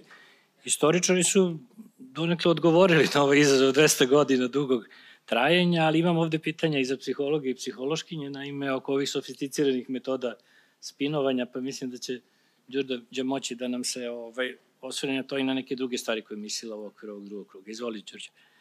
Da, plašim se da zapravo i kad sam se pripremala, baš sam se pitala šta bi bio moj odgovor na to. A, jel stvarno mislim da to jeste istina i nadovezala bi se e, na, na ovo što smo svi počeli da govorimo, ali izgleda nam je svakome od nas druga e, rečenica našeg predsednika bila, jel, upala um, u oko, uvo, kako da se izrazim. Znači, taj razgovor, meni je to, uh, uh, znači, pitanje koje Milan postavio jeste da li su sad pomerene neke fundamentalne etičke granice, da li možemo da govorimo o moralnom sunovratu, jel? I sad stvarno onda moramo da se pitamo o kojim etičkim granicama govorimo. Uh, u, u, u društvu, jel, nekako, postoji raspodela svih osobina, jel? Svi smo neko po nekim zakonitostima. Neki od nas su više hrabri, neki manje hrabri, neki više savesni, neki manje savesni, moralni, jel? Ali čini mi se da mora da postoji razlika kad govorimo o ponašanju radnika u fabrici, kad govorimo o ponašanju ljudi koji su na vlasti. Koji su, na primjer, predsednik. I sad imamo tu scenu koja prethodi ovome, ovom okupljanju radnika e, ispred suda u Ivanjici, gde e, predsednik države razgovara sa e, ocem preminulog radnika, uh, gde ga čovek moli očajan da se, jeli, konačno ta istina ispita, da se ispita odgovornost, da se konačno suđenje pokrene, jel tu dolazi do zataškavanja onog dokumenta koje je navodno jedna tajna o 11 koliko propusta koji su načinjeni, tako? I sad, osim jel, ostalih skandaloznih izjava koje, koje je dao, koje je Jovana spomenula, on na kraju kaže, kad je spomenuto tih 21 žrtva, možda ću donekle parafrazirati, Pa nije ti to modna pista. Nije tvoj sin radio na modnoj pisti? Da. To je fabrika baruta i oružja. Izvinjam se što prekidam, a onda je upala još jedna fraza, pa nije to fabrika čokolade. E, e nego, to nisam, to, je, to nisam ispratila. To nije da. rekao da. on, to je neko dobacio ko je stajao pored. Da. Znači, nije ti to modna pista. Kao, normalno je da ljudi ginu u fabrici. Ma jeli, šta opet je čitao, jeli, fake news, pa je čuo da je normalno da ljudi u celom svetu u fabrikama ginu. I zapravo taj moment koji po mom utisku bilo ponašanje bez trunke empatije. gotovo sadistički, na tako surov način, on devalvira e, tugu tog čoveka, devalvira smrt tog momka i ne samo njegovu, nego svih tih 20 žrtava koji kao da su potrošna roba, a ne da su poginuli vrlo verovatno, znači ima osnovanih sumnji, greškom i bahatošću nekoga koga sada država pokušava da zaštiti ovim organizovanim okupljanjima i ostalo. I meni lično, kao građanki ove države, kao majici dvogodišnjeg deteta koje treba da odraste ovde i kao psihološkinji, je zapravo ovo mnogo ajde da ne kažem strašnije, ali mnogo me više zabrinjava nego samo okupljanje tih radnika. I uh, da, razmišljala sam baš o tome, Jovana, odličan komentar. Zašto mi psiholozi, jeli nešto se ne okupimo, zašto se ne pojavi neka, kako se zove, Greta Thunberg u našim redovima koji će da pravi neku uzbunu, zato što možda nismo sigurni šta je rešenje, jer napriti samo uzbunu i paniku bez, bez nuđenja rešenja nije, nije baš, jel, i nije rešenje. Ali e, ako bi probala da dam odgovor na tome šta je rešenje, e, da, svakako treba da smenimo ovu vlast, mislim, to je jasno, ali e, mislim da nije samo stvar promene vrha. Mislim treba da se pitamo šta stvarno svako od nas može da promeni i kako mi našim postupcima, u našim porodicama, e, firmama, odeljenjima, jeli, organizacijama da radimo, podržavamo taj autoritarni sistem. I, i, I mislim da je vrlo važno da zapravo svi se osvestimo koliko je važno da se toj autoritarnosti suprotstavimo, koliko je važno da, raz, da, da, da se setimo da nam strah nije uvek saveznik, šta više, koliko se time što jedno pristanemo na ucenu bivamo ranjiviji za sve dalje ucene i, i da nekako koliko važno da se podsjetimo da kada mislimo drugačije, osjećamo drugačije, da se toga ne stidimo i da se ne plašimo da, da ovaj, da o tome i pričamo. I stvarno treba da se podsjetimo, to je, čini mi se, uh, ko je pričao o svetlim primjerima? Pa da, proba, psiholozi pričaju o svetlim primjerima, pokušamo da budemo optimistični. Uh, uh, stvarno da se podsjetimo da nisu se svi radnici tog dana pojavili. Znači, ako je verovati da je 800 njih izašlo, pa znači, eto, bar 500 njih nije. A, opet da se setimo ovih studenta i studentkinja koji rade ovo što rade, Retko, rektorke koje ovaj, odreagovali, tako kako jeste univerzitetskih profesora koji jeli, se usuđuju da, da, da nešto govore. Jel stvarno treba da imamo... Aleksandra Obradovića. Aleksandra Obradovića, apsolutno, da o mašineriji koju si spomenula, to je stvarno, to je stvarno neverovatno šta rade. Znači, oni svakodnevno rade potpuno sulude stvari. Mi pričamo o pomeranju granica etičnosti, ok, to me možda može da se raspravlja, nisam stručnjak za etiku, ali mi vidimo da oni pomeraju grani, idu preko granice zdravog razuma, preko granice zakona. I sve to nekako objašnjavajući na kako je to sve u redu, kako je to za naše najbolje dobro i kako smo mi u najmanju ruku nezahvalni ako ne vidimo koliko oni rade dobro za nas, a vidimo šta se dešava onima koji se drznu da se tome suprotstave. Tako da, stvarno treba imati hrabrosti i mislim da nije da nije svakome lako jednako da bude hrabar i da nismo svi u istim pozicijama, ali svakako mislim da to da nam ništa drugo ne preostaje i da moramo da se setimo da zapravo ne smemo da se predamo toj naučenoj bespomoćnosti, zato što to je jedini način da ne poludimo svi. Mislim, to je zaista, zaista jedini način. I, I za kraj, a to sam zapisala da ne bih, um, da ne bih pogrešila, jer baš kad sam se pripremala za ovu tribinu, razgovarala sam sa prijateljem koga želim da citiram sad ovom prilikom, a to je da ne treba da stojimo sablažnjeni nad svojom realnošću, već da se fokusiramo na svoju ulogu u toj realnosti. I eto, sa time bih završila.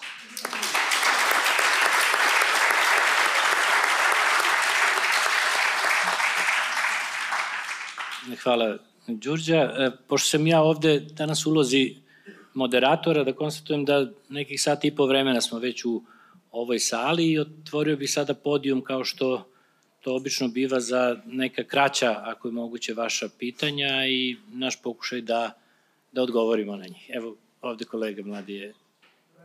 Izvolite. Ja sam Petar Berić, nastavim. Ovo je majica Sloboda za Aleksandra Bradovića i nosim i nosit da god da je bio uključen prethodno, to je zbog nevoljno sloboda, u svakom prilici. Evo pitanje.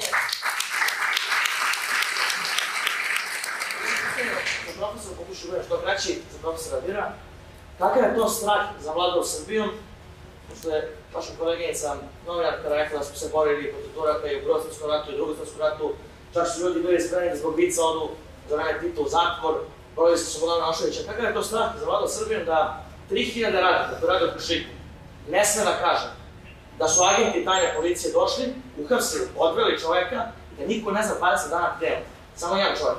Kakav je to strah zavladao? Da se samo 800 profesora pobuni protiv očigledno plagijata.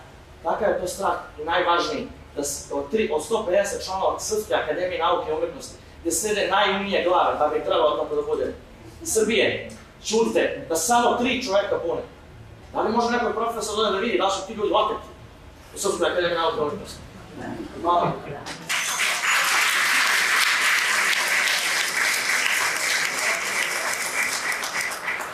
Izvolite, Miklaš. Nemam odgovor. Kombinacija, ko, kombinacija morala, e, interesa i straha. Mislim, nije samo strah, nažalost. Da je, da je samo strah, onda bismo objasnili strahom, ali ima, imamo i, i pitanje e, e, nespremnosti na moralne činove zarad sobstvenog interesa to je ja tužna priča. Jednu, Ajde, pošto, evo, ne, pravi vrlo, odgovor. ne, ne, nije, nije uopšte pravi odgovor, nego zapravo tehnička stvar. Aleksandar Obradović je bio 20 dana u pritvoru i to uh, je skriveno od javnosti po savjetu advokata.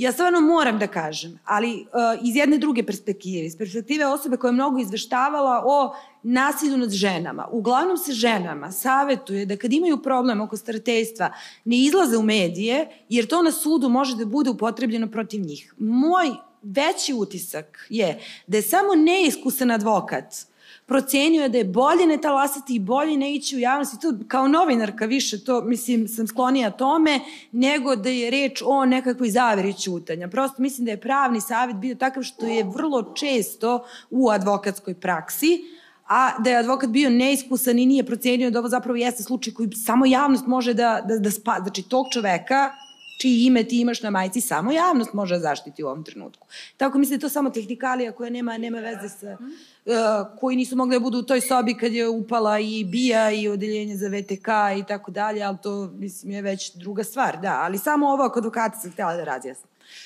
Izvini, Jovane, ja moram da se umešam. Ovaj, pogledajte pressing od sinoće, ovaj, gde je govorio sam Obradović, on to nije na taj način objasnio.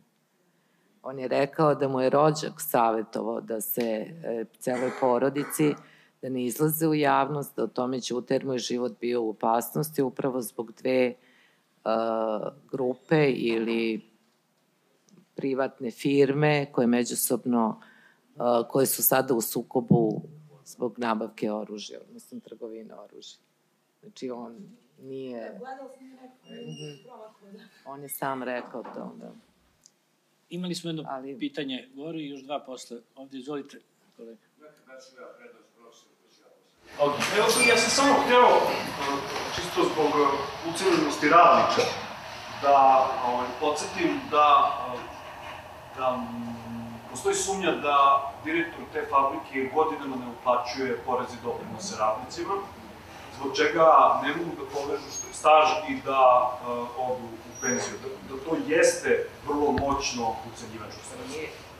A bez obzira na plate, prosto ti ne možeš da odeš u penziju i moraš da ga moliš da se smiluje da ti uplati porez i doprinos. Znači tu nema... I mislim da je rekao da nije sa tvoj sin šetao po manekenskoj pisti. Jeste, ali moda na nekinskoj, da. Ne manekenskoj. Neki Izvolite.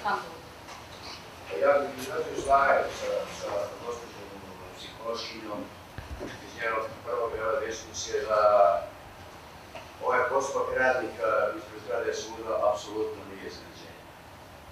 Ja ću vam navesti dva primjera iz svoje struke, ovaj, koje govore, govore o kakvim eh, patološkim simptomima pričamo kad, kad razgovaramo uopšte o srpskom društvu. U teoriji kriminalistike i kriminologije najređa krivična dela su ubistvo sestre brata. Nažalost, to se u Srbiji desilo oko dvana pre desete godina u Nišu, je sestra ubila brata, a pre nekoliko godina se isto desilo u Oznici. To je samo znak koliko je ozbiljno stanje srpskog društva i nacije. U svim drugim državama, kad se dese takvo ubistvo, to se u teoriji kriminalistike dešava jednom u 200 godina. U nekim normalnim društvima upalili se svi alati. Ovde nije niko ni treba. I struka, nažalost, više instituti koji se bave takvim istraživanjima ne postoje. Kao što je Đurića rekla, mi psiholozi trebali bi da se nalazimo, da razgovaramo. to više ne postoji, na ozbiljan način se nikom ne bavi problemima sa društvom. Tako da su naši problemi mnogo ozbiljniji nego što se može to na ovim kratkim tribinama malo Hvala na komentaru. I za vas, gospodin Baldovar. Nisam mislio da se uključujem da ne postanem dežurna savjest ili zavisa. Znate, jedan izuzetna novinarka, kad smo sarađivali dugo sa njom, pitao sam je zašto toliko relativiziraš probleme i malo ne zaoštriš stvari, doći ćemo do jasnih rezultata. Rekla mi ovako je vama Krežević da budete nezavisan, ja ako dobijem otkaz, sam ohrana, sam majka, vraćam se kući sa detetom i ostajem sutra bez sve. Znači, princip slobode očiva elementarno na principu ekonomske nezavisnosti. Drugo, da li bi bili mogući lučani, da li bi bili mogući lučani da mi imamo državu koja funkcioniše bi, gospodo, ili takve posljedice bile značajno male. Niti bi ovaj dio mogao biti direktor kao materija, uslovi rada bi bili, morali biti tehnički na daleko više nivou, odnosno zahtjevanom nivou, ako bi se nesreća dogodila, onda bi institucije u najvećem roku ispitale o čemu se radi i osudile onom koji je vinovnik, odnosno uzrok takve nesreće. Kad mi nemamo sistem koji funkcioniše, onda je cijeli i Kaka, i Kamin, i Sartre govorili koliko je apsurdna pobuna pojedinca protiv sistema. Možemo mi negovati Obradovića, ali ajde da postavimo sebi sledeće pitanje u ranima najviše moralne žrtve. Jesmo li spremni da budemo prestupnici, a da se kući vraćamo i da nam porodice budu ugrožene? Ovo je takav oblik diktature kojoj ne postoji uopšte uporište slobode. I ti ljudi su, verovali ili ne, sasvim se logično ponašali. Oni su pred sobom znali da su neljudi samo svetih je terala na to, ali su ih egzistencijalni problemi terali da budu kontroli kao testo za šape i sačuvaju svoje materijalne pozicije. Ne izborimo li se za njihove i naše prostore slobode, ovakve rasprave će biti i dalje besmisle.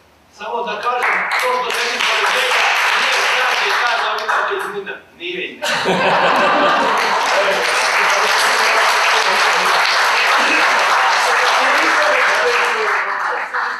Hvala i gospodinu Ćulibrku isto.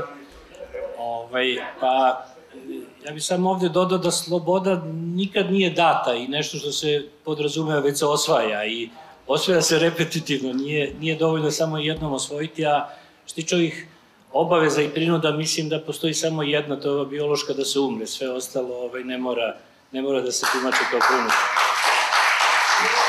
A, izvolite, gospodinu Pavlović dosta je rečeno onako kao vinograd, ali glavno je rečeno šta čovek mora da izgubi da bi ispravio kiču. To je pitanje kojem bi bilo nešto reći, ali ono što je glavno pitanje, šta treba učiniti, to je pitanje za vas, slušnike, da se odnos prema takvim pojavama promeni, da se eliminišu takvi slučaj. To je dosta globalno, dosta krupno pitanje, zahtjeva verovatno mnogo istraživanja. Mnogo tribinu verovatno bi se skivalo, ali evo ako neko hoće od gostiju da se osvrne, samo izvolite. Ne treba baš mnogo istraživanja, e, sve, sve je u, kućnom vaspitanju. E, da, da li vaspitamo decu da, da im je važnije da dobiju sladoled bez obzira da su slagali ili ih vaspitamo da postoje neki principi. Ako ste gledali uh, film Michaela Mura, uh, gde jedna islanđanka kaže, ja ne mogu da ručam ako znam da je neko u mom susedstvu gladan. To očigledno skandinavska društva nekako uspevaju da, da nauče svoje decu, a, a naša ne uspevaju. Ne bi ništa da Bilo je još neki pitanja ovde, ako se ne vam, da, mladi kolegi. Mene zanima, oni već svi toliko spretni u toj svojoj propagandi, zašto u isto vreme imaju takve propuste i bukvalno pucaju sebe u nogu, evo kako se došli dešavaju okupljenja i evo da su se odlučili, ima nekog prilog, sigurno ne, ne ne pozitivno. Zašto onda oni to rade?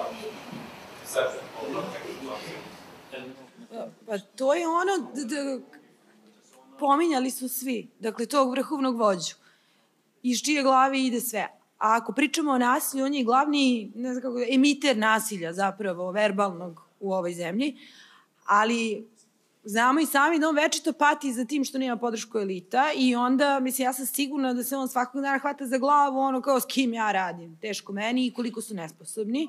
I onda dolazimo do toga, imamo sofisticirane metode spinovanja, Ne, ne, ne, ne, ne, ali sam sigurno, mislim, čak, čak i znam iz prve ruke da zna i da viče, da se deri, da ponižava, mislim, on ministre u vladi i tako dalje, što je, e sad onda dolazimo do pitanja, mislim, kakvi si ti to ministar u vladi kad dozvoljavaš da ti neko izgovara u lice takve stvari, u ostalom gledali smo one prenose za vreme poplava, kada ono, Dikoviću, ako padne šabac, s koje pozicije ti izdaješ to naređenje, ali To je Šešeljeva škola, to je da, da, tipično Ali Šešelj. et, upravo to, Mm. upravo to i to, mislim, ono što je on izdriblovan, očigledno i dobro naučen kad je reč o tim sofisticiranim metodima, on je njegov najuži tim, a ovi ostali sad kako to kako izvedba izgleda, pa izgleda. A s druge strane, što mi imamo tako sofisticirani mehanizam spinovanja i propagande? Pa zato što imamo truo sistem u kome nemamo osnovnu zaštitu na radu, u kome nemamo institucije koje će, pra, pravosuđa koje će da procesuiraju odgovorne za to. Dakle, ceo sistem spinovanja i propagande je zapravo mm, flaster da se zamaskira trulež i nepostojanje Substanca. vladavine prava, koja je majka svega zapravo. A u autoritarnom sistemu ili u sistemu, zovite ga kako hoćete, u kom se za sve pita jedan čovek, a i ovaj proces u Lučanima, odnosno Ivanjici je počeo, tek kad se otac obratio predsedniku Vučiću i štrajk taksista je prestao kad su razgovarali sa Vučićem i ne znam šta je više sve stalo, mislim, ono kad su stigli do Vučića, a ne do nadležnih. Dakle, nemamo institucije, imamo njega i sve to služi da se jel, zabandažira i sakrije činjenica da vladavinu prava nemamo i ovaj sistem je svakako autoritaran sve dok se sve pita jedan čovek. Ali ona, i, bilo je gore pitanje. Dobar dan, ja sam dr. Vladan Čotić, predsjednik etičkog odbora Instituta za medijske istraživanja. Znači, mi imamo ovde sa državnog nivoa apsolutizam koji se samo, kako kažem, po nekoj federaciji spušta na lokalni nivo. Taj apsolutizam je samo refleksija podaničkog odnosa koji imamo da li u fabrici ili na nivou države. Ovo što imamo od, a, kako da kažem, pominjenog predsednika, ovaj, mi imamo u poslednje vreme, ne poslednje, kod celoj ovoj kampanije imamo seanse. Znači imamo medijske seanse, znači da se u studijima televizijski pojavio čovek koji, kojima je potrebna seansa. Ali njemu nije potrebna seansa da mu bude sagovornik voditelj i da mu budu slušalci, znači auditorijum koji je preko pola televizora, njemu treba psihijatar. Znači njemu treba psihijatar koji bi ga izlečio u ovoj njegovoj, jednostavno, jednu, imamo desnu psihijatriju koja se krenula potpuno, mi smo kao društvo ušli potpuno smo hipnotisani njegovim psihijatrijskim, koje je znači, sagledavanje psihijatrijskog. Meni je krivo što mi nemamo udruženje psihijatra koji će da da dijagnozovom čovjeku. E, mogu da vas zamolim, pošto ste u etičkom odboru medicinskog fakulteta, da o dijagnozama ne pričate ako niste pregledali pacijenta lično. Ne, uopšte se, uopšte se ne šalite. Ne, ja nisam fakultetu, ja sam institut za medicinsko istraživanje. Ali mi imamo problem, znači, koji se radi, pravi refleksiju na celo društvo. Znači, ne možemo to da krivimo i da se pravimo... Na osnovu čega tvrdite da ima dijagnozu? Zato što, čekajte, kad E sad, sad ja branim Aleksandra Vučića ali zato što da, radi da, nešto, da, stvarno da, ne znam. Da, Ove, kako se zove, znači mi, sad, znači mi se sve vreme a, gledamo da budemo kao u rezervi i da kažemo, e slušajte, pa to nije tako, treba da sagledavamo ovako i treba da sagledavamo. A mi imamo da kao društvo bukvalno propadamo. Znači, shvatate, mi kao društvo bukvalno propadamo 30 do 50 hiljada ljudi napušta ovo godišnje ovu zemlju. Znači, a, s, a, univerzitet je non stop na degradiranju univerziteta. A, polu svet vodi ovu zemlju, znači zapašuju se ljudi. Znači, jednostavno, ovo više nije samo politička stvar, ovo je stvar opstanka ovog naroda. A sada, ako vi kažete, meni vi nemate, ja ga nisam pregledao ili tako dalje, ali shvatate, čovek koji dete malo uči da treba da pije rakiju, a ne pivo, znači, gde pričamo uh, hiljade drugih stvari, sad ne mora da se vraćam, koji utiču da na ovo društvo, da je to normalno. Dobro, e, ovo je ja bio komentar, ne vidim pitanja. Ali ako možemo i na Lučane da se vratimo. samo kratko, ne, okej, naravno. ali meni ovo smeta ne zbog toga, naravno da mi smeta i zbog stigmatizacije osoba s mentalnim bolestima, ali ako jednog dana tom čoveku u ovoj zemlji bude suđeno a on bude koristio te vaše argumente da je bio neuračunljiv, razgovarat ću se svakim od vas pojedinačno. E, Gore je bilo pitanje, kolega. Ja sam samo htio da vas pitam, da li mislite da recimo domaćini neke, bar ako ne sve svoje incidente, neke a, ra, ovaj režim radi namerno iz razloga da bi se prvodomaćini uzdigao iznad a, a, tog sloja ljudi koji se okružuje, recimo kada je Drobnjaka za toponime, kada je izgrađivao autoput, top, uh, Drobnjaka je spuštao kako ne zna tačno kuda koridor i on zna tačno svako, uh, svako srce, svaki zasad, svaku kuću zna kuda je bio, ili recimo uh, sa, sa Gimom kada je branio oca našeg ministra unutrašnjeg poslova, a posle izjavio da on ne zna šta je kompanija Gim slične stvari. Da li mislite da on pokušava da on sebe da uzdigne tako što se dešavaju neki incidenti od on krpi te rupe kao recimo sa taksistima ili a, sa slučajem Milan Namskom sa poginulim radnikom njegovim Da li imamo neki komentar na ovo pitanje? on stalno demonstrira kompetentnost tako što stigne na televiziju sa nekim naučenim podacima koji su jako jasne cifre, u, u, u drugu decimalu tačne precizne cifre. Takav lumen memorijski postoji samo pod nazivom savant koji, koji pamti nešto fantastično što drugi ne mogu da zapamti, ima fotografsko pamćenje. To je priprema definitivna koja demonstrira kompetenciju za običan narod koji se zgrane i kaže fantastično, vidi šta ovaj čovjek sve zna. Ali profesor je bilo lupa mislim. Pa, ponekad. Ponekad kad mu... Ja mislim, ja mislim da su mu ono ipak namestili ovo, ovaj, njegovi... Ne, ne, ima vic ima vic koji kaže on ispriča te cifre, a za, u Zavodu za statistiku sede i šteluju da bi ispalo sutradan tačno kad krenu novinari da proveravaju. Obično se ova diskusija rasplamsa kad se već približi kraju. Evo za gospodine još jedno pitanje da otvorimo prostor. Ja pocenim gospođu Grigorijević, godinama uživam u njenim člancima, ali osjećam se direktno prozvanim. Naime, ja sam pisao u danasu o mentalnom profilu predsjednika države i mislim da sam to činio s punim pravom. Nisam naveo dijagnozu, ja sam lekar, znači, ali ono što je belodano, da se radi o jednom malignom narci, ovaj, narcizmu, znači to nije neuračunljivost, poremećaj ličnosti. I mnogo ovoga o čemu smo razgovarali upravo je posledica ta bezosjećajnost, osustvo empatije. To je klasičan opis, školski opis tog tipa ličnosti, sa svim posledicama ne za njega, nego za sve nas. Hvala. A možemo samo vi ja... Ne dam. Možemo samo vi i ja da se složimo da ni jedan lekar ne može da donese dijagnozu ako nije pre toga pregledao pacijenta. Da. Hvala. Samo to. Toliko za večeras. Pozivamo se iduće nedelje na vazduh, vodu, zemlju i vatru.